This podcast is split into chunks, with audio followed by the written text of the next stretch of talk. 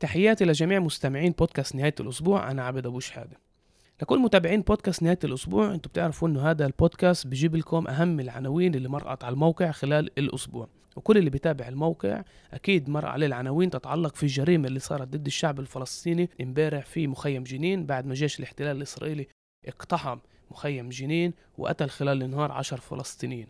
ولكن لأسباب تقنية تتعلق في يوم تسجيل البودكاست وتتعلق في إعداد البرنامج بهاي الحلقة ما تطرقنا لهذا الموضوع ولكن الأسبوع الجاي راح نجيب أهم المحللين تشرح إيش صار بالضبط في مخيم جنين والتداعيات السياسية والاجتماعية من هذا الحدث.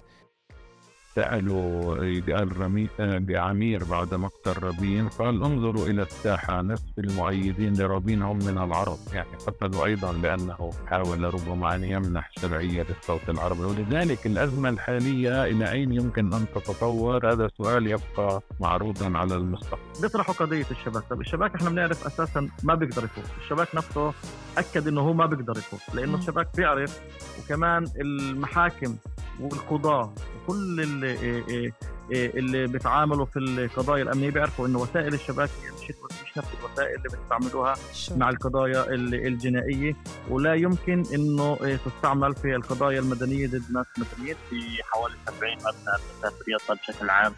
تم هدمه وإزالته من قبل قوات الاحتلال اللي هو استمرار الضغط اليوم يوم على الناس عشان يتركوا آه، الحياة هناك. يعني في ناس تركت؟ في ناس اختارت لا لا لا, لا ناس السكان على الأرض طبعا آه، معظمهم برمموا في كهوف وبالمغر القديم جدا. اللي بعضها لا يصلح حتى للحياة. ان الناس بترممها وبدها تسكن فيها آه، كحل آه، على لما بيتهم بيتهم.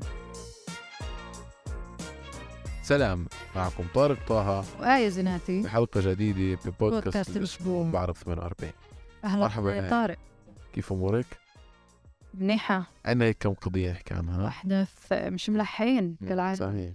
ولا مرة بنزل عن الأجندة تبعتنا إنه نحكي عن شو بصير بالمجتمع الإسرائيلي. بنحاول بنحاول نجيب بودكاست هيك خفيف ظل. صحيح هو حكاها البروفيسور أمل جمال هذيك المرة هيك يعني برا التسجيل بيقول إنه كل وقت المجتمع الإسرائيلي بيقعد يراقبنا كفلسطينيين كيف بنتحرك وشو بنعمل سياسي وهي المره إحنا كفلسطينيين حاسين حالنا شوي إنه إحنا قاعدين نراقب المجتمع الإسرائيلي ومركباته السياسية كيف عم تتحرك وعم تتفاعل مع بعض في ظل الازمه سواء كانت اجتماعية أو سياسية. بس برضه قاعدين متوترين نشوف هذا كله كيف بده ينعكس علينا. صحيح وهو بخوفناش آه بس إنه متوترين من كيف الأشياء بدها تأثر علينا كفلسطينيين لذلك كل أسبوع بنحاول نطرح الموضوع ونستمع له من عده جوانب سواء تحليل سياسي أو تحليل اجتماعي أو تاريخي أو آه، حقوقي كيف ممكن يأثر علينا بين ازدواج ما ما سماه اليمين الفاشل الإسرائيلي بخطة الإصلاح القضاء واليسار الصهيوني الإسرائيلي عبر عن هاي الخطوة بالانقلاب على القضاء أو الانقلاب على الدستور ولو أنه فيش دستور يعني. بس الانقلاب على الجهاز القضائي ففي أزمة سياسية إسرائيلية آه، عشان نحكي عنها من جانب جديد أو من نظرة تحليلية جديدة راح يكون معنا آه، الكاتب والباحث أنطوان شلحت. آه، وبالمحور الثاني شو في عنا آية. برضه في الحكومة الإسرائيلية وبين كفير وين عم بيحاول يأخذ الأمور ويسيطر ويقول إنه هو هلأ بده يحل موضوع الجريمة. في المجتمع الفلسطيني بالداخل وتصريحاته اللي بتدل على غير ذلك.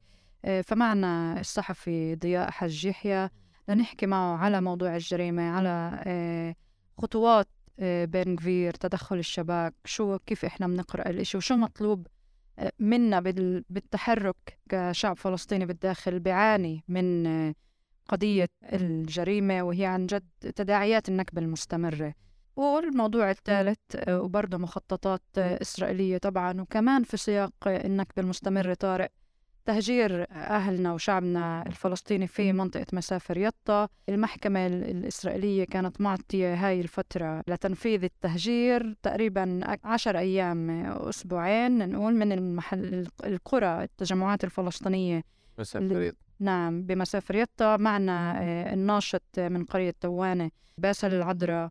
ليحكي لنا شو بالضبط الوضع كيف عم بيواجهوا هذا التهجير اليوم طلع إسرائيل ولا مرة عم بكفيها ال- الإحكام العسكري والسيطرة العسكرية على الضفة كلها فهي بدها. مناطق جيم اللي هي بتسيطر يعني بتسيطر عليها بشكل فعلي بشكل يعني حتى عم بتحاول تطبق عليها إدارة مدنية هيك بلطفوا المصطلحات آه طبعا يعني احلال عسكرية الإحتلال. و... عسكريا ومدنيا تنفيذ القانون الإسرائيلي عليها صحيح. آه، من ضمنها مخططات البناء و- و- وبناء الاستيطان. وهدم التجمعات السكانية الفلسطينية. آه، فآه موضوع مهم نسمع عنه من ال- الناشطين أو السكان المحليين للمنطقة هناك. نسمع أكثر تفاصيل عن الموضوع مع آه، باسل العذراء. كونوا معنا. بنتأمل البودكاست الجاي. نحاول نكون آه، ما, ما نكونش تقال بس ال- الواقع اللي بنعيشه بفرض حاله. يلا. نبدأ.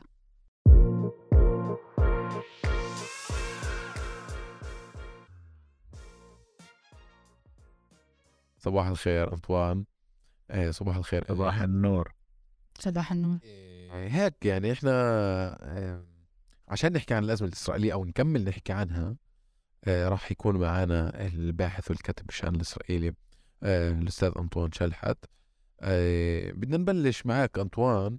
امبارح أو يعني خلال الأسبوع كان رئيس الدولة هرتزوغ كان عنده تصريح آه، بقول إنه أنا عم براقب المجتمع الإسرائيلي والمواطنين والنظام العام السياسي وبشوف معسكرات جاهزة ومهيئة على طول الجبهة بأكملها لمواجهة شاملة على هوية الدولة. وهذا يعني هون بدنا نشدد ونحط خطين تحت على هوية الدولة و- آه، دولة إسرائيل. وبقول أنا قلق على شفا آه، إنه إحنا من على على شفا صراع داخلي يمكن إنه ينهينا. قديش قريب هذا التصريح من حقيقة الأزمة الإسرائيلية أنطوان؟ يعني لا شك أنها أزمة عميقة جدا. يعني هي أزمة أيضا آه، متراكمة على المستويين الكمي والنوعي. يعني اليمين الإسرائيلي الحا- الآن والذي نصفه بأنه يمين جديد ويمين يختلف عن اليمين التقليدي الذي عرفناه في إطار حزب الليكود الذي اتبع منهج جابوتينسكي كان يمين قومي متطرف ولكنه من ناحية ما يسمى بالحقوق المدنية كان لديه قدر من الليبرالية أيضا. الآن اليمين الجديد هو يمين مختلف أقرب إلى اليمين الفاشي. وهو يعني يعادي ليس فقط الفلسطينيين والعرب إنما يعادي كل من يخالفه الرأي.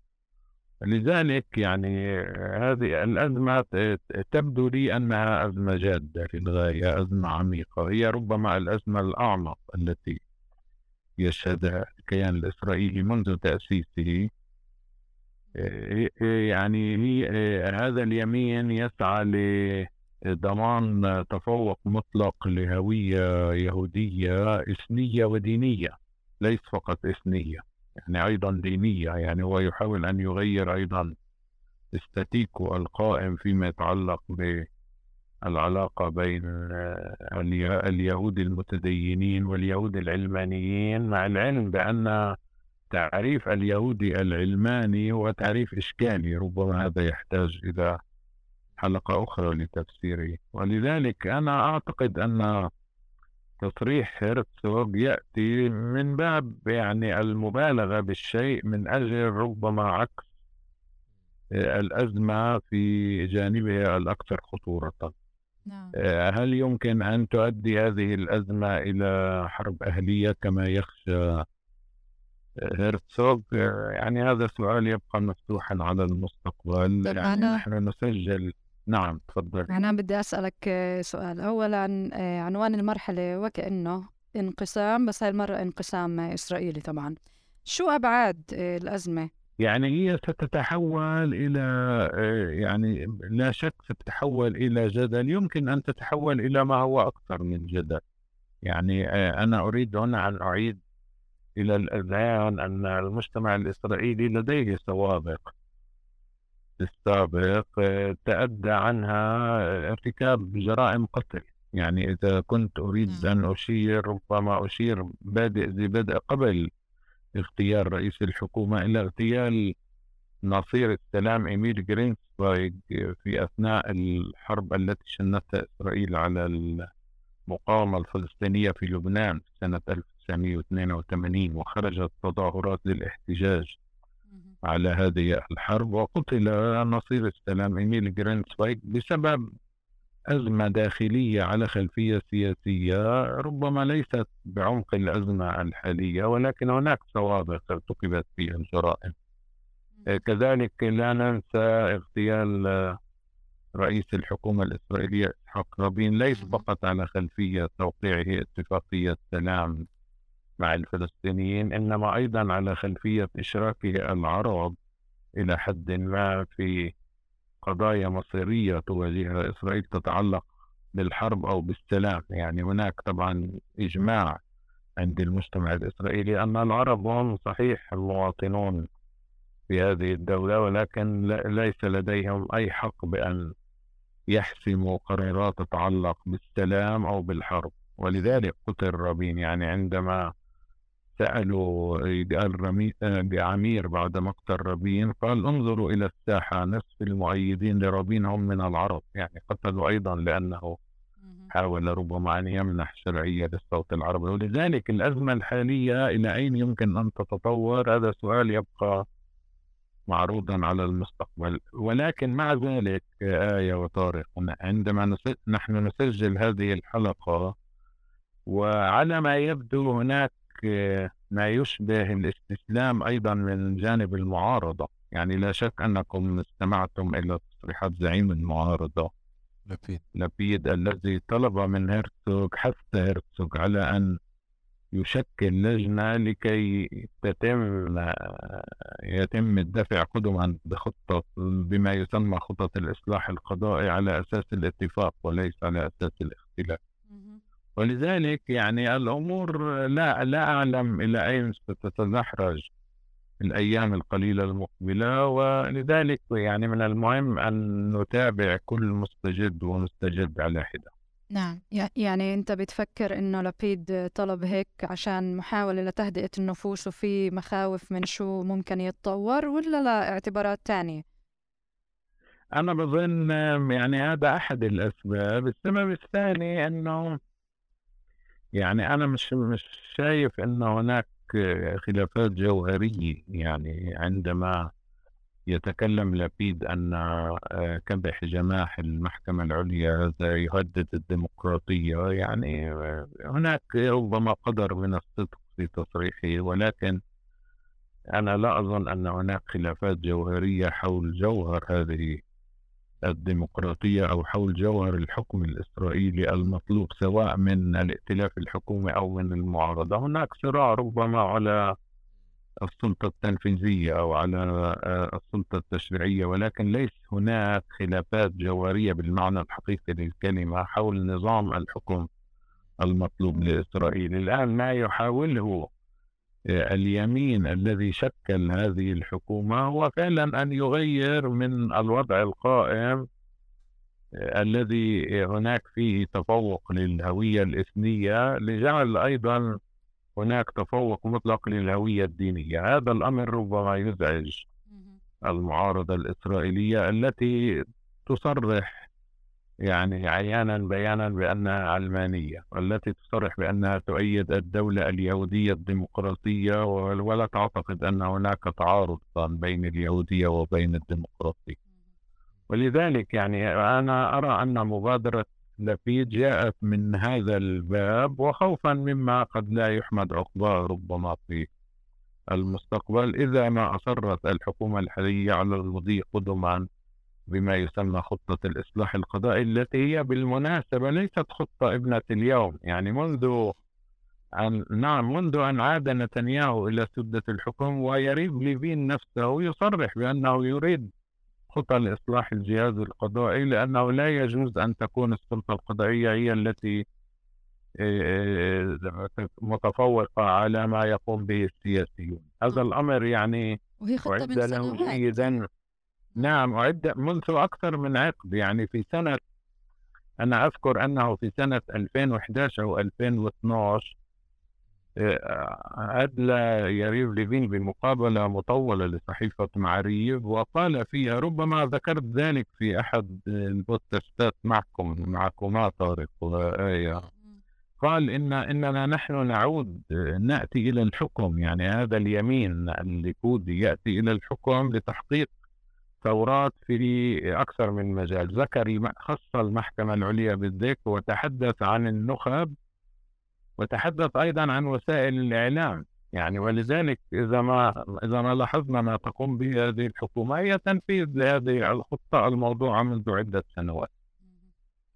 طيب أنطوان هو يعني شوف يعني بإسرائيل في في محاولة لاستهداف الجوهر الديمقراطي. هاي الناس اللي لسه وصلت للحكم وصلت عن طريق الإجراء الديمقراطي. اجت بدها تقول للمحكمة نعم. العليا أنا آه يعني كل الوقت كانت الغلبة لل... لل...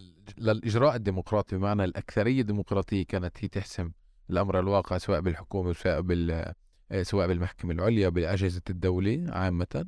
بس هاي المرة إحنا كأغلبية إجرائية بدنا كمان نفرض نفوذ وسيطرة على الجوهر الديمقراطي اللي فيه إنه لأ انت يعني كمحكمه عليا مثلا ما عندكيش الاحقيه بإنك تصدر القرار آه، بناء على منطق المعقولية أو غير المعقولية. فهو يعني هون يعني هذا اللي عم بيصير إسا هذا اللي بيميز هاي المرحلة إنه في استهداف للجوهر. شو رأيك أنطوان؟ آه موافق مع هذا التشخيص. يعني طلع هو يعني حتى لو عدنا إلى التعقيبات الاسرائيليه على مثل هذه الخطة. يعني هناك عدد من مثل هذه التعقيبات التي ترى هذه النقطة المحورية بالذات. يعني ما نشهده أمام أعيننا الآن كما يقال هو محاولة منهجية لتغيير أصول اللعبة الديمقراطية وصورة إسرائيل من الأساس. هذا يتعلق طبعا بالإسرائيليين وذلك بهدف تحويلها إلى دولة ديمقراطية يهودية دينية يمينية متزمتة يكون التجنيد فيها على طابعها اليهودي لا على طابعها الديمقراطي. وطبعا يعني هذا تحذير هو تحذير ربما من الإجراءات التي تقوم بها الحكومة الحالية ولكن مثل هذا التحذير ينطبق أيضا على إجراءات أخرى قامت بها حكومات سابقة. يعني مثلا قانون القومية. ثم قانون القومية هو يعني قانون أساس وشبه دستوري وهو يشدد على الطابع اليهودي لا على الطابع الديمقراطي. ولذلك يعني من الحق أن يقال إن ما وصلت إليه إسرائيل الآن لم يعني يظهر على حين غر هكذا بشكل فجائي إنما هو جاء على ركام الكثير من القرارات السابقة والمحاولات التي أخرجت إلى حيز التنفيذ فعلا لتغليب الطابع اليهودي على الطابع الديمقراطي الآن فيما يتعلق بجوهر الديمقراطية الإسرائيلية الجدل الدائر حاليا واللي أشرت له أخي طارق آه. إنه هل الديمقراطية هي حكم الأغلبية فقط ولا الديمقراطية هي يعني حكم الأغلبية ولكن مع أخذ رأي الأقلية في الاعتبار. يعني ما يحاوله هذا اليمين الجديد باسم تحت شعار ما يسمى الحوكمة هو أن يعني الأكثرية هي التي تقرر الأكثرية تتجاهل كل حقوق الأقليات والأقليات هنا لا تشمل فقط الفلسطينيين إنما تشمل يعني في التجربة المخصوصة تشمل تشمل أشخاصا آخرين تشمل مثلا النساء تشمل مجتمع يسمى بمجتمع الميم ولذلك يعني هذا النقاش الدائر الآن.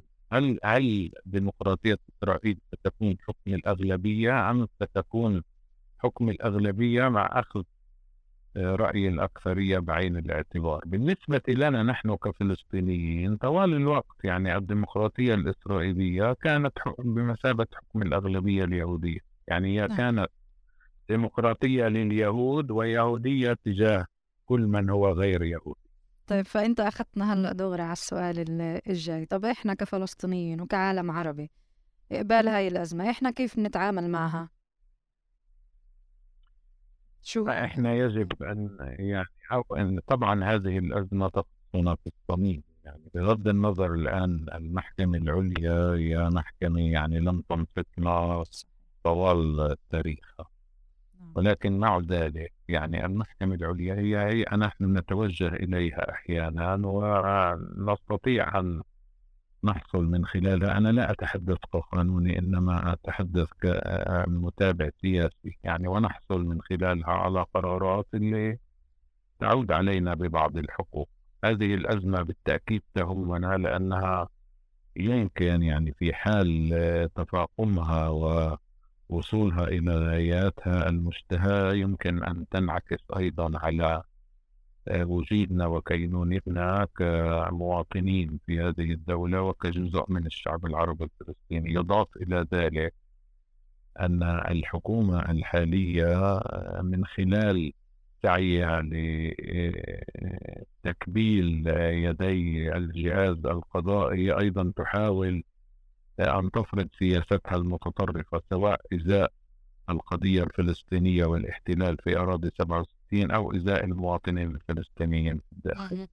يعني هذه هذه الحكومة هي عبارة عن تحالف دنس بين عدة أطراف. أهم هذه الأطراف هي سياسيون فاسدون وأيضا يعني قادة ليهود شرقيين يشعرون بأنهم تعرضوا للغبن طوال سنوات قيام الدولة بالإضافة أيضا إلى تيار يميني متطرف متمثل الآن في الصهيونية الدينية التي كانت تعرف الاعتدال في السابق الآن أصبحت تيارا متطرفا بكل ما في المعنى من كلمة. مثل هذا التحالف الدنس هو خطر شديد للغاية علينا كفلسطينيين ولذلك يجب يعني أنا أعتقد يجب أن نكون جزءا من مواجهة هذه الأزمة. الآن كيف نواجه هذه الأزمة؟ هذا سؤال ربما مطروح على قوانا السياسية وعلى منظمات المجتمع المدني وعلى أحزابنا.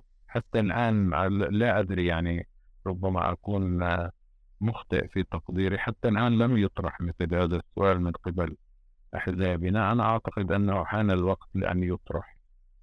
كيف هذا السؤال يعني متروك للأحزاب ولسائر القوى السياسية؟ طيب أستاذ أنطوان شالحات الكاتب والباحث في الشأن الإسرائيلي شكرا جزيلا على هاي المداخلة بصراحة. يعني دائما هيك مفيد نحكي معك وشكرا كثير على وقتك. طبعا تحياتي آية تحياتي طارق. تحياتي إلى اللقاء. تسلم. يعطيك العافية.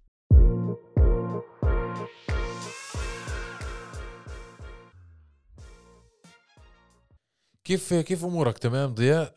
تمام تمام شو أخباركم؟ والله مش عارفين. نترقب هيك نترقب الاشياء اللي عم بتصير حوالينا آه والله الوضع سيء جدا شو حاسس؟ وضع سيء جدا شو مم. شو ضياء سمعت آه، بن كفير وزير الأمن القومي بده بدك تصير تعمل مع بن كبير مقابلات؟ آه آه اسمع الب- البني آدم ع- البني آدم عايش في عايش في زمن ثاني مش في إحنا مم. بقول لك إيه عملوا فريق مشترك للشباك والشرطة آه، بس الشباك بدوش يا ضياء بدوش دخلونيش. بهذا الحكي وهو السؤال هو السؤال اولا الشباك هل هو طلع أصلا من المجتمع العربي ولا لا؟ مم، طبعا. إيه يعني هذا السؤال يسأل هو بن كبير بده يدخل الشباك بس هو الشباك طلع أصلا سيدخل أخرى مرة؟ صحيح هو بالأساس هو أصلا بطلب إذن من حدا عشان يفوت أو عشان يطلع هذا كمان. سؤال وهل كان يستنى بن كبير يعني يجي عشان يشتغل بالضبط فينا؟ هذا واحد ثانيا إيه الأدوات اللي موجودة مع الشباك هي تستعمل أساسا في الشرطة عند المجتمع اليهودي حتى في الجرائم الجنائية إيه مم. ولكن مش بنفس الأدوات إيه طبعا مهم. أما في غالبية الجرائم تعرفوا الوضع السياسي وال الوضع السياسي والأمني الموجود في في إسرائيل بحتم على الشباك حتى كل جريمة يشك فيها أول شيء إنها قوميه دائما يعني هسه أي جريمة تطلق رصاص حتى لو تكون فيها تمثيليه مثلا هي خلفية جنائية أول شيء بيدخل فيها الشباك بيعمل مسح عن الضحية وعن ال- وعن الجاني. فبشوف إذا هي جنائية خلص بتركها للشرطة. إيه، إذا في حاجة إنه يساعد بيساعد بيساهم بيعطي هاي المعلومات. إنما ما بتدخلش يعني بشكل أو بآخر إيه، بشكل واضح وصريح مثل ما بتدخل في القضايا الأمنية. إنه إيه، ولكن لا الشباك هو بتدخل حتى في في الجنائي في عند اليهود حتى في الجرائم. يعني جرائم قومية حتى تثبت جنائيتها. بالضبط. أيوه بالضبط. قومية حتى تثبت. هذا هذا هذا أول شك دائما بصير سواء إيه،. حتى اليوم إذا بتلاحظ وسائل الإعلام صارت الإسرائيلية يعني باتت انها تنجر وراء هاي الخطاب. إنه أول عملية إطلاق. رصاص بتشوف على ال- على المفزكين أو على كل هاي الأمور عملية إطلاق رصاص. بقول لك إيه، آه بعدها بكتبوا إيه، ح- إيه، مثلا حشاد للأمنية أو صحيح. اشتباه بقومي. بعدها بأكدوا بعد 10 دقائق ربع ساعة بعد ما ياخذوا المعلومات بأكدوا إذا هي جنائية ولا لا. فدائما هذا الشك موجود إذا هي يعني حتى لليوم. طبعا بالمجتمع العربي هذا الشك مش موجود. مثلا على سبيل المثال خذ إمبارح في في تل أبيب أصيب شاب من الضفة. مم. الغربية بجريمة إطلاق نار.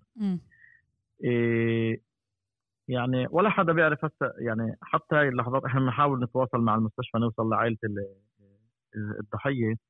إيه لحد هاي الوقت ما قدرنا نوصل له. ولكن يعني هذا شاب عامل إيه، عامل بناء على ما يبدو. أصيب في جنب ورشة بناء. الشرطة بعد خمس دقائق قالت إنه إطلاق الرصاص هو جنائي. طب جنائي. ليش؟ ب- بين مين؟ مين طخ؟ مين المصاب؟ يعني هو كأنه ما كانش مقصود ال- القصد لا الم- المقصود إنه هو مقصود ولكن الخلفية جنائية مش قومية أها طبعا حتى هاي اللحظات في شك إنها هي قومية إيه، إن إنه في حدا أطلق عليه الرصاص لأنه كان جنب ورشة بناء يعني واحد بيجي يطخ شاب من الضفة الغربية عند ورشة بناء بنص تل أبيب. إيش الجنائي بالموضوع مم. شو رح تبقى خلفية الموضوع حسب رأيكم يعني فهذا اولا. ثانيا هذا بيعطيك الشك إنه أول خمس دقائق يعني الشرطة أجت تتاكد إنه هاي الشيء هاي العمل هاي الاطلاق الرصاص هو على خلفيه جنائية. إيه ثانيا وين المشتبه يعني مدينة مم. تل أبيب بنحكي مش يافا. يعني يافا هي تل أبيب وتل أبيب هي يافا ولكن لا هاي خلينا نحدد. العملية وقعت في شارع ليفينسكي طبعا. في في نص تل أبيب مش في يافا. يعني بنقول بجوز بيافا بقول لك هذول عرب ببعض بس أنا في تل أبيب. كيف ما في معتقل؟ فهاي هاي ب- هاي يعني بدل كيف الشرطة بتتعامل مع نعم. الجنائيات حتى. نعم. آه طيب ضياء إحنا عمليا عم نحكي كنا عم نحكي عن إنه بن كفير آه قرر آه يشكل فريق مشترك ما بين الشباك والشرطة.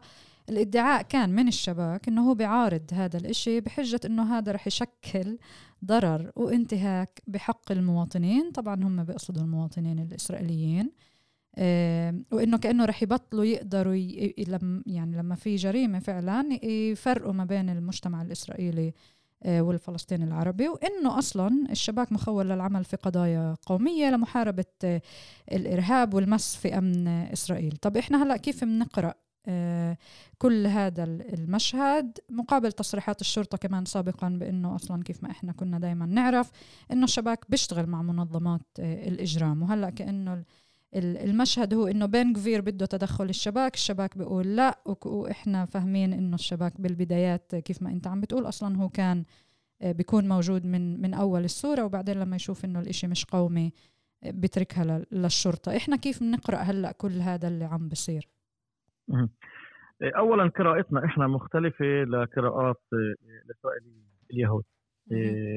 قراءتنا إحنا بتنطلق يعني إحنا كعرب فلسطينيين في هذا المجتمع تنطلق من النقطة السياسية إيه، وليست من النقطة المدنية الجنائية إيه، كما يسمى أو كما هم اللي بيحاولوا يعني إيه، يطرحوها. فإذا إحنا ننطلق دائما من النقطة السياسية فمنظورنا راح يكون سياسي لكل الأمور وهذا وهذا الصح وهي القراءة الصح. إيه، قراءتنا لقضية أول شيء يعني بن كبير ما جابش شيء جديد. مش هو أول مرة بيطرح قضية إنه الشباك يدخل على إيه، إيه، المجتمع العربي. صحيح. إيه، كان برليف قبلها وكان قبلها أمير اوحانا إيه، إيه، أي نعم برليف لم يصرح يعني بهذه الحدة ولكن اوحانا صرح بهذه الحدة. إذا متذكرين صحيح. حتى كان هناك اعتراضات وكان يعني يعني كانت قريبة جدا انهم يكرموا أو يدخلوا طبعا كانت الأكثر تصريحات سياسية. لما بيكون وزير الأمن فيش عنده أي خطة استراتيجية فيش عنده أي رؤية مستقبلية لمحاربة الجريمة فعلا. في المجتمع العربي لقراءه إيه، الأرض الأرضية إيه، الجنائية إيه، إيه، مسببات الجريمة في المجتمع العربي فأسهل شيء هو إيه، إيه، إنه يطرح قضية الشباك اللي هي. بتصير الجدل بتصير الجدل في المجتمع. العربي بتصير الجدل في وسائل الإعلام وأيضا في المجتمع الإسرائيلي طبعا وهذا الشيء الثاني اللي بدل لك على العقلية الأمنية. اللي بيتعاملوا معها. الإسرائيليين سواء وزراء أمن أو لا يعني بيطرحوا قضية الشباك. طب الشباك إحنا بنعرف أساسا ما بيقدر يفوت. الشباك نفسه أكد إنه هو ما بيقدر يفوت لأنه مم. الشباك بيعرف وكمان المحاكم والقضاه وكل ال- إيه إيه اللي بيتعاملوا في القضايا الأمنية بيعرفوا إنه وسائل الشباك هي مش مش نفس الوسائل اللي بتستعملوها مع القضايا الجنائية. ولا يمكن إنه تستعمل في القضايا المدنية ضد ناس مدنيين لأنه في المحاكم إحنا بنعرف إنه 80 يعني ممكن 50 ل 60% من لوائح الاتهام إذا تدخل فيها شباك إنها تلغى في نهاية المطاف يعني ما جابتش شيء من دار أبوها فقط إنها كانت يعني انتهاكات أكثر وتدخل الشباك طبعا هذا أنا حسب رأيي. الشباك يعترض على دخول المجتمع على الدخول في المجتمع العربي لسبب لسبب لعدة أسباب ولكن السبب الرئيسي هو إنه دخوله في القضايا الجنائية المدنية راح يكشف كثير مصادر له موجودة في الأرض وهذا على المصادر له المنتشرة في المجتمع العربي سواء كانوا ذلك عملاء عرب من الداخل الفلسطيني أو سواء عملاء اللي هم يعني عملاء الشباك المخابرات. بالضبط بالضبط متعاونين أو عملاء الشباك نفسهم. فهذا بيعرضهم للانكشاف بشكل واضح وصريح. وكانوا حذروا قبل خمس أو ست سنين بذكر حذروا في قضية في هذه القضية إنه ممكن إنه دخول الشباك لهي القضايا. طبعا إحنا بنعرف إذا الشباك تدخل كانت وحدة مخصصة من الشباك وكان في جريمة قتل فعناصر الشباك لازم يشهدوا في المحكمة. والمصادر الشرطية أو المصادر الاستخباراتية اللي بسموها منكرات مشترى لازم برضه هم يشهدوا في المحكمة حتى لو كانت هذه في سرية تامه ووافقت المحكمة على السرية هنالك حق للمحامي محامي الدفاع عن المتهم أو المدان إنه يكشف عن هذه عن هذه المصادر. ليس آه ليس كما في القضايا الأمنية اللي المحكمة تتيح عدم الكشف عن هذه المصادر. طيب ضياء يعني بدي أرجع معك لنقطة هيك طرحتها إنه التدليل على المعقولية الأمنية على على الحس الامني لتعامل الدولة بأجهزتها مع قضايا أو ظواهر اجتماعيه مثل العنف والجريمه إنه أنت تيجي يعني تواجه العنف بعنف هاي فعلا عقلية أمنية إنك تواجه آه القوة نعم. بقوة برضه فعل آه يعني عقلية أمنية بس إنك تيجي تقول لي إنه حل مشكلة العنف والجريمه هو محاربة آه هو محاربتها بأدوات آه فعلا هي عنيفة جدا مثل الشباك هون بعبر مش بس عن معقولية أمنية بعبر عن التعامل مع المجتمع العربي الفلسطيني إنه هو كتلة واحدة هالقد هوموجيني هالقد الناس بتشبه بعضها وفي أرض كثير كبيرة بدها تعمل معها بنفس الأسلوب بنفس الطريقة. بمعنى إنه المشكلة بشخصوها بإنه في مجتمع عنيف وأنا بدي أقمعه بالقوة وأواجه القوة تبعته بقوة. بتعملوش مع الموضوع إنه هاي الناس بتروح على العنف والجريمة لأنه فيش فرص عمل لأنه فيش فرص بناء بناء لأنه فيش أحياز عامة ولأنه فيش مؤسسات تحتوي ولأنه فيش ولأنه فيش رعاية صحية مزبوطة ولأنه وضع اقتصادي سيء. هاي العوامل لا تؤخذ بالحسبان عند المؤسسة ككل. فلذلك بيلجأوا لأسهل طريق مثل ما حكيت إنه يعني بالآخر بيواجهوا العنف بعنف. مش بس هيك. ولما يواجهوا العنف بعنف بيجوا بلوموك يعني مم. إنك ليش بتعترض؟ يعني إحنا ممكن إنه هسه في بن كفير ممكن إنه إحنا نوقف يعني في حقيقة في في ديليما معينة كبيرة جدا إحنا كمجتمع عربي. يعني ممكن إنه هسه تدخل خلينا يعني آه نتخيل هذا السيناريو. آه دخلت قوة مش شباب قوة شرطية قوة قوة خاصة تم تخصيصها لمحاربة الجريمة والمنظمات الإجرامية في المجتمع العربي ودخلت على مدينة طيبة. وصار هناك سفك دماء. قتلوا أربع مسلحين وقتل شخص بريء بتبادل إطلاق الرصاص وأصيب اثنين عناصر الشرطة. إحنا كمجتمع عربي وين بدنا نوقف؟ بدنا نسأل حالنا. هل بدنا نوقف مع بن كفير اللي اجى قال إحنا بنكتب على المجرمين؟ ولا إحنا بدنا بين مزدوجين بدنا نوقف مع المجرمين اللي تم قتلهم؟ بدم بارد من قبل الشرطة. فهذا السيناريو مخيف جدا. أتوقع صح. إذا يعني مخيف جدا. وكمان يعني إحنا كمجتمع عربي كناس اللي بنطالب حقيقة في محاربة الجريمة ما راح يكون لنا أي يعني أي قرار أو أي رأي في هذا في هذا الملل. يعني ممكن يقول لك طيب أنتم أنتم بتطالبوا إن إحنا نحارب الجريمة. إحنا بنخاطر علشانكم. وقتلنا المجرمين بس أنتم بدكمش كمان فانتم مش عاجبكم آه. بالضبط كمان مش عاجبكم غير هيك أنتم قاعدين بتصفوا وبتدافعوا على إيه، إيه، المجرم وأنتم إيه، بتصفوا جنبه. فهاي العقلية الأمنية يعني بتخلق صراعات داخلية حتى بيننا إحنا صح كمجتمع عربي وهدفها تفتيتنا أقول لك قبل كانت لي مقابلة في المجتمع كان في في راديو عبري قبل فترة بقول لي إيه، الشرطه يعني بمعناها فشلت. أنا بقول له إيه، الدولة والمؤسسات الأمنية فشلت في محاربة الجريمة. فأنا قلت له على لسان المجتمع العربي إنه قبل فترة كان إحدى المسؤولين قال إنه الشرطة والمؤسسات الأمنية نجحت في المجتمع العربي مش فشلت. فنجاحها هو تفشي الجريمة تفتت هذا المجتمع تمام. والصراعات الداخلية. إيه، ف إيه، يعني زي ما تقول الناس قلت له إنه الناس صارت تفهم أكثر إنه إيه، الجريمة هي جزء إيه، تفشي الجريمة والسلاح هو جزء من سياسة صح. إيه، إسرائيلية منذ يعني خلينا نقول مش نقول من 48 من سنة ال 2000 هذه السياسة الممنهجة من بعد الانتفاضة. إيه، بل آه بالضبط. اذا الشرطة هي لم تفشل والمؤسسات الأمنية لم تفشل بل نجحت في مخططها. صحيح. وهلأ بدنا ناخذ آه، آه، ضياء في دراسات آه، أشارت إلى إنه بعد الانتفاضة الثانية آه، فعلا الجريمة في المجتمع الفلسطيني بالداخل ارتفعت. آه، وهذا كان كأنه سياسة ممنهجة كيف ما إحنا بنعرف وبنقرأ. بالإضافة هلأ إحنا عم نحكي إنه في الهبه ال- الأخيرة هبة الكرامة كان في كتير حديث وخاصة إسرائيلي إنه في سلاح طلع بهاي ال- الهبة.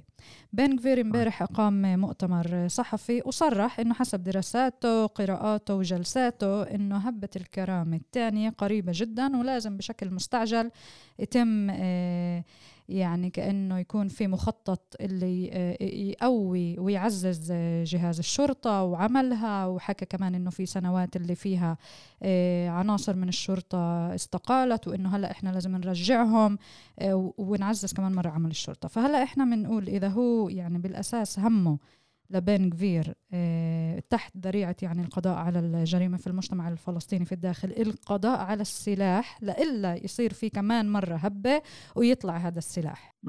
اللي هو بعيدا يعني كليا عن إنه هو معني إنه آه، يحد من ظاهرة ال- العنف والجريمة عشان يحمي المجتمع الفلسطيني من هاي المأساة إحنا فاهمين إنه نية بن هي مختلفة تماما عن شو إحنا بدنا وشو مطالبنا و- والحماية أو ال- العمل اللي إحنا بنطالب فيه.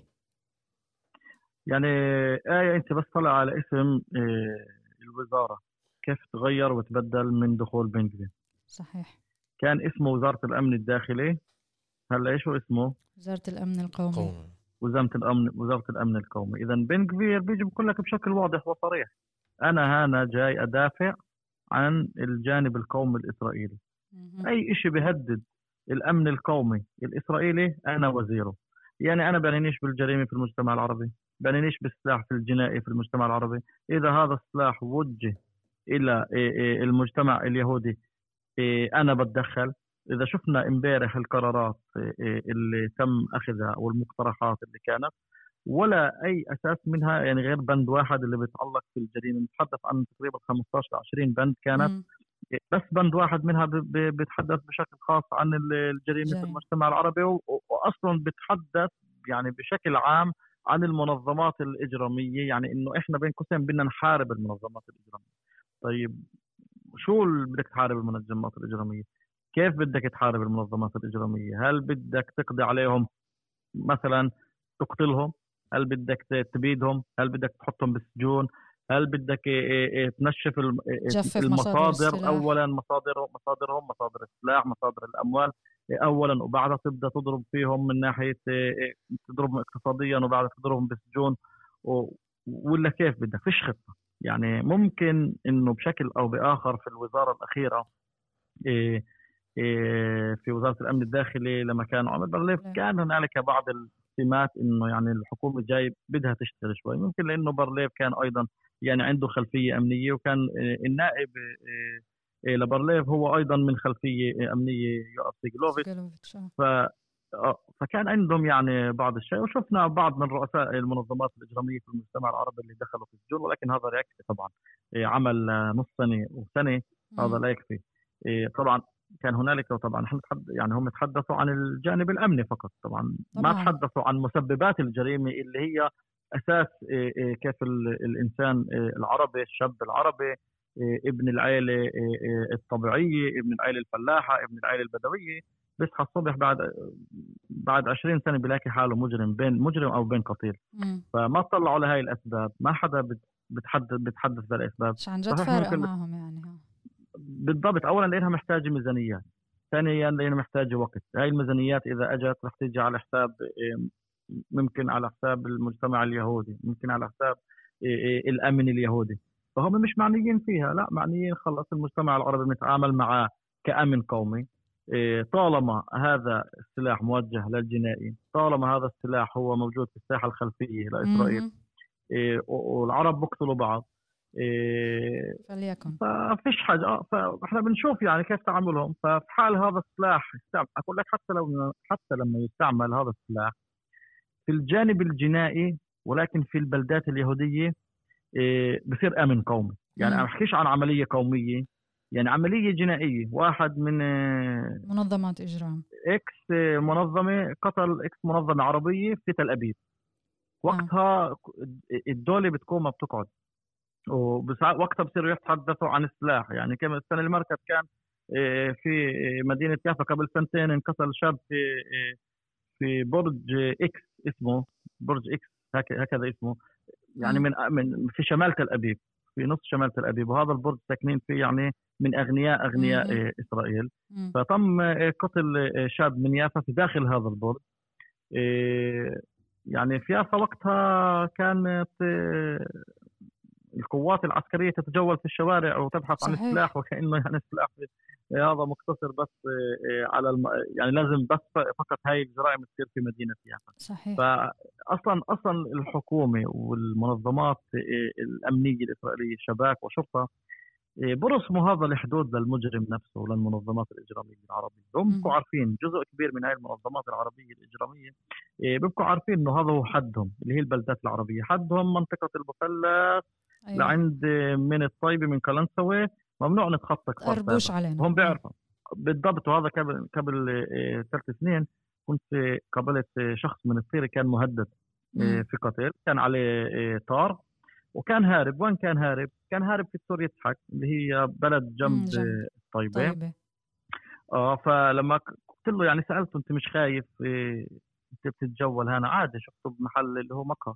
قال لي ولا واحد بيقدر يجي بيسخى يجي يكرب علي هنا لأنهم بيعرفوا إنه هنا إيه بنمسكه بسرعة وما حدا بيخاطر على حاله إنه يمسك يجي آه. يقتلني فعمليا أنت ضياء كمان عم تاخذنا على كيف يعني الجريمة تفشت في بلداتنا الفلسطينية وجزء منها كان ترحيل آه، عائلات اللي هي آه، يعني تورطت مثلا في قضايا آه، جرائم قتل والخ وتم ترحيلها لبلدات فلسطينية تانية وهيك توسعت الجريمة بكمان وكمان بلدات فلسطينية وواضح لنا نعم. إنه يعني فعلا الملفات اللي فيها آه، بتم آه، الوصول آه، مثلا لمجرمين ومعاقبتهم محاسبتهم طالما هو جنائي تقريبا بصيرش إشي. وبس- بالعام الماضي انحكى بثمانية واحد بالتحديد انتشر إنه الشرطة نجحت في كشف قضايا الجريمة في 21% من الحالات فقط.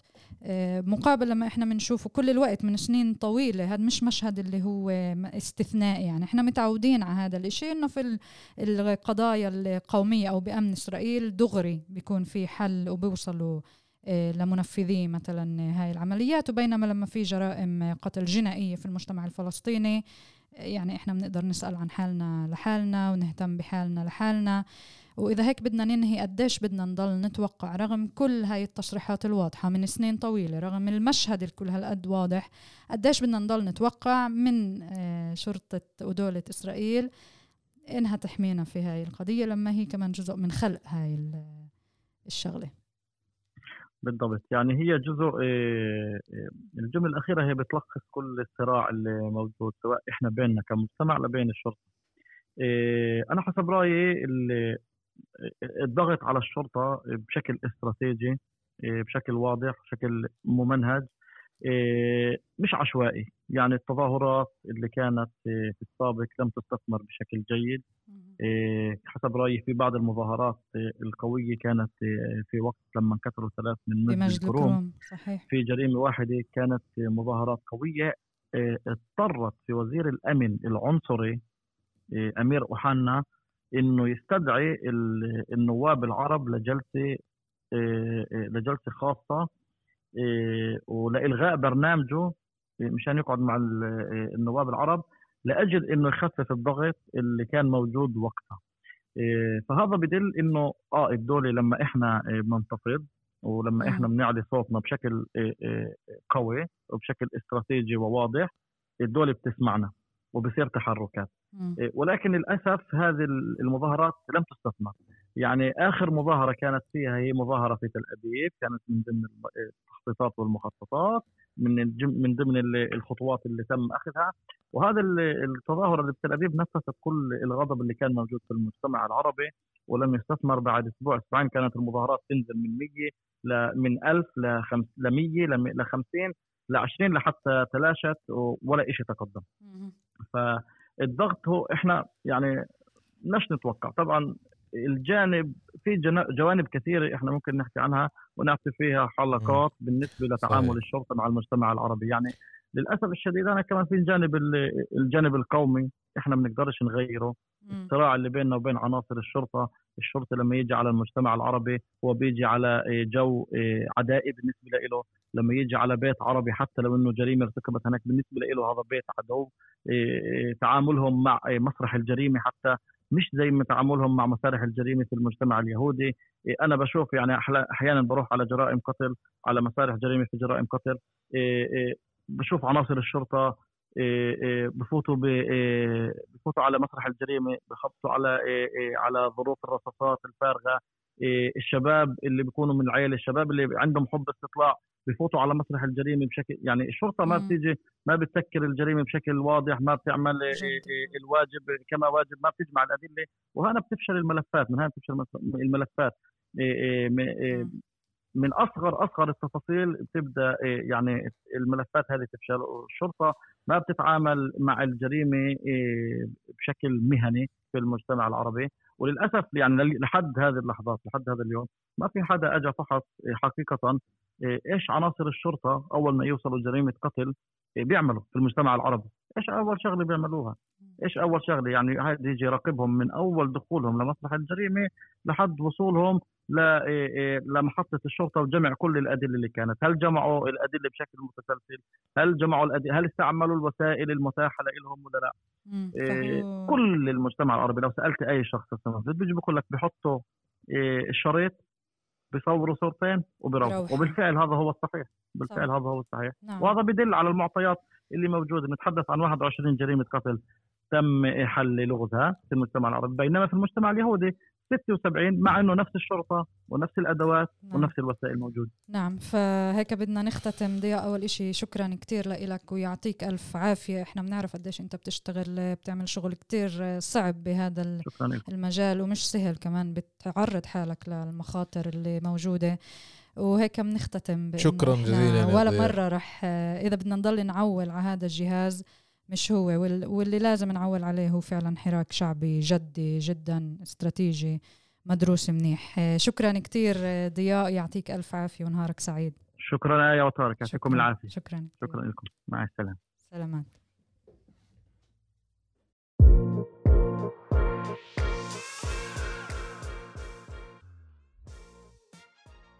طيب وهلأ بمحورنا الثالث للحديث عن مسافر يطا والتهجير. آه، بداية بدنا نقول إنه الارتباط الفلسطيني أفاد إنه سلطات الاحتلال أبلغت إنها رح تبدأ آه، قريبا بتنفيذ قرار تهجير سكان 14 قرية بمسافر يطا. القرى اللي مهددة بالتهجير اليوم آه، تقع في منطقة تسمى إطلاق نار حسب آه، تصنيفات الاحتلال الإسرائيلي. تبلغ مساحة هاي المن- المناطق آلاف الدنومات. وطبعا تم إبلاغهم بشكل شفهي. بس لنعطي خلفية المحكمة الإسرائيلية والمحكمة العليا أقرت بأربع أيار تنفيذ قرار التهجير. عمليا القضية صار لها سنوات والناس وأهالينا في مسافر يطا طالبت على مدار سنوات بمنع ترحيلها. لنعرف شوي كمان وين المنطقة موجودة قبل ما نبدأ معك. آه، باسل إحنا بنحكي عن قرى فلسطينية آه، ما يقارب 38 تجمعات سكانية في جنوب الضفة الغربية تحديدا على تلال جبل الخليل. المنطقة تقع بين 14 و 24 كيلومتر جنوب شرق محافظة الخليل. وعمليا التجمعات موجودة جنوب شرق المسافر على مساحة 32 ألف كيلومتر مربع. الاحتلال الإسرائيلي صنف 30 منهم مناطق إطلاق آه، نار. هناك في 3000 فلسطيني اللي بيعانوا هلأ من خطر التهجير. عمليا باسل قبل آه، ما نبدأ نحكي موسعا. بحب إنه تعرفنا عن حالك. آه، عمليا أنت واحد من أبرز الناشطين في منطقة مسافر يطا. فعرفنا عن حالك وبعدين طبعا بنحكي عن باقي الأمور. بس تعرف عن حالك عن نشاطك وعن الملاحقة اللي أنت كمان بتعيشها. أهلا وسهلا شكرا لك يا على الاستضافة. أنا باسل عذرة من قريه واني في مسافر يطا آه، ناشط وصحفي بوثق الأحداث آه، اللي بتصير من هدم من اعتداءات مستوطنين من اعتداءات على رعاة الأغنام على طلاب المدارس. آه، بشكل عام على الانتهاكات اللي بتعرض لها بشكل يومي. الملاحقة بتعرض لها أنا وكمان أشخاص المسؤولين اللي بيحاولوا يوثقوا هاي الأحداث. طبعا الجنود والمستوطنين أكثر شيء بيكرهوا يشوفوا كاميرا امامهم بتوثق شو بيقوموا فيه. فدائما بشوف لما بيشوفوا اي ناشط حامل آه، كاميرا بوثق جاي يوقف مع الناس بيستهدفوه بشكل شخصي كيردعوه ويردعوا الناس اللي بتحاول تعترض على الاحتلال العسكري والاستيطاني الموجود في الضفه الغربيه ومصر يطا وبالاغوار الشمالية. آه، طبعا بيعتدوا علينا بالطرد داخل بمصادره الكاميرات بمصادره ذاكرة كاميرا مثلا. أنا شخصيا تعرضت للطرد بالميدان مرتين بسنة 2020 وبشهر خمسة السنة الماضية لما كنت أوثق الجنود آه، بيهدموا بيت هاجموني بشكل آه، عنيف وضربوني لنص ساعة وجربوا يعتقلوني بدون مستوى قانوني حتى بالقانون العسكري. صحيح. آه، وقتها انتشر الفيديو لما تم الاعتداء عليك صح؟ نعم صحيح. كان في فيديو انتشر طبعا دائما بيوجدوا ذرائع يعني هم إنهم يستخدموا العنف معي لاني أنا استخدمت العنف مع إنه في فيديو بوثق الحدث إلا إنه آه فيش قانون يطبق على الجنود على المستوطنين. آه فبالتالي دائما عندهم حريه يعملوا أي انتهاكات وأي شيء بسويه حق وإحنا بنحكي إنه الارتباط الإسرائيلي بلغ إنه سلطات الاحتلال آه، آه، قريبا يعني بالأسبوعين القراب كأنه أو أعطت إنه من بداية السنة أسبوعين لتنفيذ آه، التهجير وهلأ كمان يعني منص منصات التواصل الاجتماعي أغلبها موجود فيها هلا أنقذوا مسافر يطا بكثرة أكثر من طبعا صار لها فترة طويلة الهاشتاج هذا مفعل بس بالأيام الأخيرة أكثر لأنه واضح إنه رح رح يتم التهجير. احكي لنا باسل عن شو الوضع اليوم؟ طبعا عشان نكون واضحين هاي الأخبار هي نعم حدث في جلسة بين الارتباط الفلسطيني والارتباط الإسرائيلي. وبعدين الارتباط الإسرائيلي تنصل منها حكى هاي ما حكينا هيك وفيش شيء جديد اسمه مسافر يطا. الوضع ما زال بينه بشهر خمسة إلا إنه اكتشفنا قبل أسبوعين آه، بجريدة هارت نشروا خبر إنه الجيش أعلن إنه بالشهرين الماضيات عمل على خطة كاملة لتهجير آه، ثمان قرى من مسافه رياض لتهجير السكان فيها آه، من هاتف. وهي الخطة جاهزة لتنفيذ بأي وقت بيقدر يؤمر فيها وزير الدفاع الجديد. وطبعا كنا بنعرف هاي الحكومة المتطرفين وهدفها الأساسي هو آه، أراضي صيلة بشكل 60% من أراضي الضفة الغربية. واستمرار الاستيطان وبناء مستوطنات جديدة واستمرار الهدم للفلسطينيين. طبعا مناطق زي مسافر يطا والخان الأحمر على سلم الأولويات لهي الحقوق وللمستوطنين اللي يتم تهجير السكان الفلسطينيين. هيك خبر بترك الخوف القلق لدى السكان الفلسطينيين اللي بتشهدهم أي قوة آه، تحميهم وتدافع عن حقوقهم وتحفظ حقوقهم آه، والاحتلال بيسرح وبيمرح ويعني أي شيء آه، أي قرارات أي قوانين وبيختارها وبيطبقها لمصالحه شرعنه وجود المستوطنات وشرعنه وجود مناطق إطلاق النار حتى على حساب وجود الفلسطينيين بهاي الأراضي. طبعا آه، الأرض كان في اقتحامات ليلية لهي القرى آه، وعمل إحصاء من قبل الجيش اللي راحوا على البيوت ال- السكان بهي القرى آه، أخذوا الهويات عدوا الأشخاص صحيح هذا كان الأسبوع آه، فهاي هو بتوقع هو جزء من من الخطة اللي راح تتنفذ إنه بيأخذوا الأرقام ال- السكان ومين ساكن ومين مش ساكن. إضافة إنه في قرى اليوم آه تم حجبها عن العالم الخارجي عن قرى ثانيات حتى مثلا جنبا والمركز تم وضع آه، بوابة حديدية وكرفان للجنود متواجدين هناك 24 ساعة. بيمنعوا أي حدا من خارج القرية يدخل لها واهالي القرية آه لازم يستنوا ساعات يعني لما بفوتوا لما بيطلعوا على قريتهم على هذا الحاجز سيارات شخصية عشرات السيارات تم مصادرتها بتسجل تتحرك في مناطق اطلاق نار سيارات للمحاميين سيارات للنشطاء آه سيارات كمان لأي حدا بفوت آه اللي. مش مستوطن طبعا آه بيتم استهدافه ومصادره سيارته آه بشكل سريع تحت ذريعة إنه سيارة مدنية بتتحرك في مناطق اطلاق نار طبعا كلنا بنعرف طبعا هاي كلها أعذار وحجج فقط للضغط على على السكان أكثر وأكثر عشان يتركوا آه، قبل شهر تقريبا هدموا مدرسة صيل فوقها مهم. والناس بنوا خيمة رجع الجيش صدرها وبنوا كمان خيمة رجع الجيش صدرها كمان مرة. هلا في مدرسة خشم الكرم كمان. تحت تهديد الهدم بأي لحظة نعم مدرسة عمليا النساء. أصدرت إنه أمر هدم طبعا ال ال الأوامر الهدم ب- بوقت سابق كانت آه، تروح لاستئناف ولأمر احترازي آه، ووقف تنفيذ مم. اليوم لا أي قرار هدم هو صار يتخذ بناء على القرار اللي صار بشهر خمسة إنه هاي منطقة إطلاق نار فممنوع نعطي أوامر حتى احتراز. آه، لملفات هدم فيها ممنوع آه، نمنع التنفيذ وبس اللي بصير في كل ملف اللي كان متأجل بالسنوات الماضية لما بيجي تاريخه القرار هو بيكون دائما إنه هاي مناطق إطلاق نار وفي قرار محكمي يجب إزالة كل المباني اللي فيها مهم. فتقريبا من وقت صدور القرار لليوم في حوالي 70 مبنى بالمسافرية بشكل عام تم هدمه وإزالته من قبل قوات الاحتلال. اللي هو استمرار الضغط اليوم يوم على الناس عشان يتركوا آه، الحياة هناك يعني في ناس تركت في. ناس اختارت لا تترك لا لا لا الناس السكان على الأرض طبعا آه، معظمهم برمموا في كهوف وبالمغر القديم جدا مهم. اللي بعضها لا يصلح حتى للحياة الا صح. ان الناس بترممها وبدها تسكن فيها آه، كحل آه، على لما بيتهم بيتهم آه، والهدف هو البقاء بالأرض لأنه هاي هاي ال- الناس تملك هاي الأرض بس يعني وين الحل الثاني صحيح وزي ما بنعرف بال 99 حتى تهجر تهجروا مم. بدون حل ثاني يعني الجيش بس مسكهم بحطهم بباصات وتركات.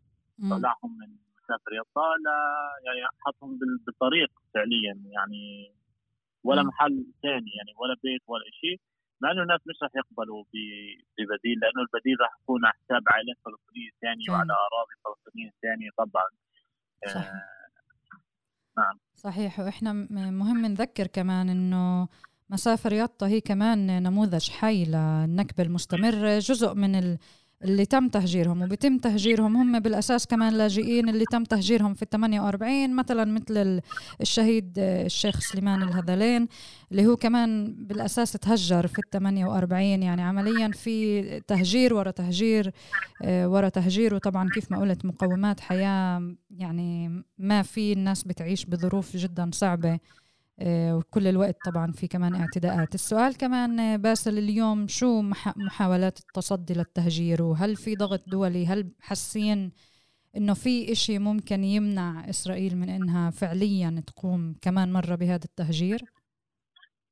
الشيء اللي ممكن يمنع إسرائيل بالوقت الحالي بظروفنا اللي إحنا عايشين فيها. هو فعلا ضغط دولي. إذا كان ضغط دولي حقيقي وجاد آه انه المجتمع الدولي جاد بموضوع يمنع إسرائيل من إنه تهجر تكمل تهجير الفلسطينيين. إلا إنه إحنا بنشوف المجتمع الدولي مش حاط آه، آه، قوته أو ما بيعمل بشكل حقيقي وصادق على إنهاء الاحتلال. وشفنا كيف مثلا بالتصويت الأخير آه، اللي طلبت فيه السلطة الفلسطينية على لمحكمة الجهات الدوليه بموضوع إعطاء رأي بوجود الاحتلال من 67 لليوم. فشو ال- الموضوع القانوني؟ دول زي أمريكا وفرنسا وإيطاليا وألمانيا صوتوا ضد القرار. فهذا بدل على عدم وجود نية صادقه لدى المجتمع الدولي إنه عن جد ينهي الاحتلال الإسرائيلي للأراضي الفلسطينية رغم إنه بسميه احتلال الا انه بالاتجاه الآخر بيدعم الاحتلال. صحيح. معظم المباني في مسافة يطا والمدرسة اللي هدوها والمدرسة بمحلات كثير بمناطق فيه في تمويل الاتحاد الأوروبي والاتحاد الأوروبي بيسمح لإسرائيل كمان تهدم هاي المباني اللي بيعملها. صحيح. آه فهي بصراحة آه بورجي إنه في عدم مصداقية في التعامل ازدواجيه في نعم. وازدواجيه المعايير طبعا. آه إلا إنه شغلنا والصحافة إنه إحنا لازم نذكر الناس اللي ساكنه بهاي الدول اللي تضغط على حكوماتهم خلال إنه مثلا بنوثق وبننشر وبنكتب آه عشان عشان هاي الدول آه يكون في ضغط من الشعوب عندها عليهم على على صناع القرار. إنه ياخذوا يعني إجراءات أقوى تجاه الحكومة الإسرائيلية والاحتلال الإسرائيلي. نعم. آه ونتأمل على الأرض يعني المحاولات آه مش يعني الناس مش عندها هاي القوه اللي ممكن تواجه فيها احتلال غاشم يعني صحيح غير إنه زي ما حكيت إنه يرمموا مغرهم ويسكنوا بالأرض ويتحملوا أعباء الحياة اليومية اللي بمروا فيها من الثمانينات من وقت ما تم إعلان هاي الأرض كمناطق إطلاق نار. نعم. والناس يوم يوم بتعاني مع هيك صامدة. فالصمود هو هو أكبر تحدي صح. أمام الاحتلال. يعني وأكثر شيء الناس بيقدروا يستخدموه أنا بتخيل. نعم 100% وعن جد يعني إحنا كل الوقت بنقول إنه يعني تحية لأهلنا في كل مكان على صمودهم وخاصة في منطقة ومناطق مسافر يطا. اليوم هيك إذا بدنا نحكي يعني منا وفينا لحالنا إنه شو مطالب أهلنا بمسافر يطا لمحاولة في الصد صد التهجير. يعني وإحنا فاهمين إنه المجتمع الدولي مش سائل عنا. وزي ما قلت المدارس مثلا في وحدة من المدارس اللي هلأ مفروض يتم هدمها أصلا تم بنائها على يد الاتحاد الأوروبي قبل سنة في 2022 آه، فعمليا إحنا لا يعني ما فيش عن جد إلنا ظهر آه، أو يعني نوعا ما المجتمع الدولي مش مش سائل فينا. وآه بيشتغل مع الاحتلال. فإيش إيش المطالب اليوم؟ يعني إيش كيف بتوجه لنا بتوجهوا لنا أهلنا بمسافر يطا إيه كدعم ومساندة؟ طبعا إحنا دائما بنرحب بالناس واللي بتيجي تتواجد مسافر يطا واللي بتيجي لتضامن مع مسافر يطا. هاي شيء إحنا كثير بن بنقدره وبنحترمه. وإحنا الفلسطينيين لازم كل محل نتوجه آه يعني كل محل في تصدي وفي الاحتلال بيحاول يقتلع الناس من أرضهم. الناس الباقيين الفلسطينيين الباقيين يحاولوا يوقفوا معهم.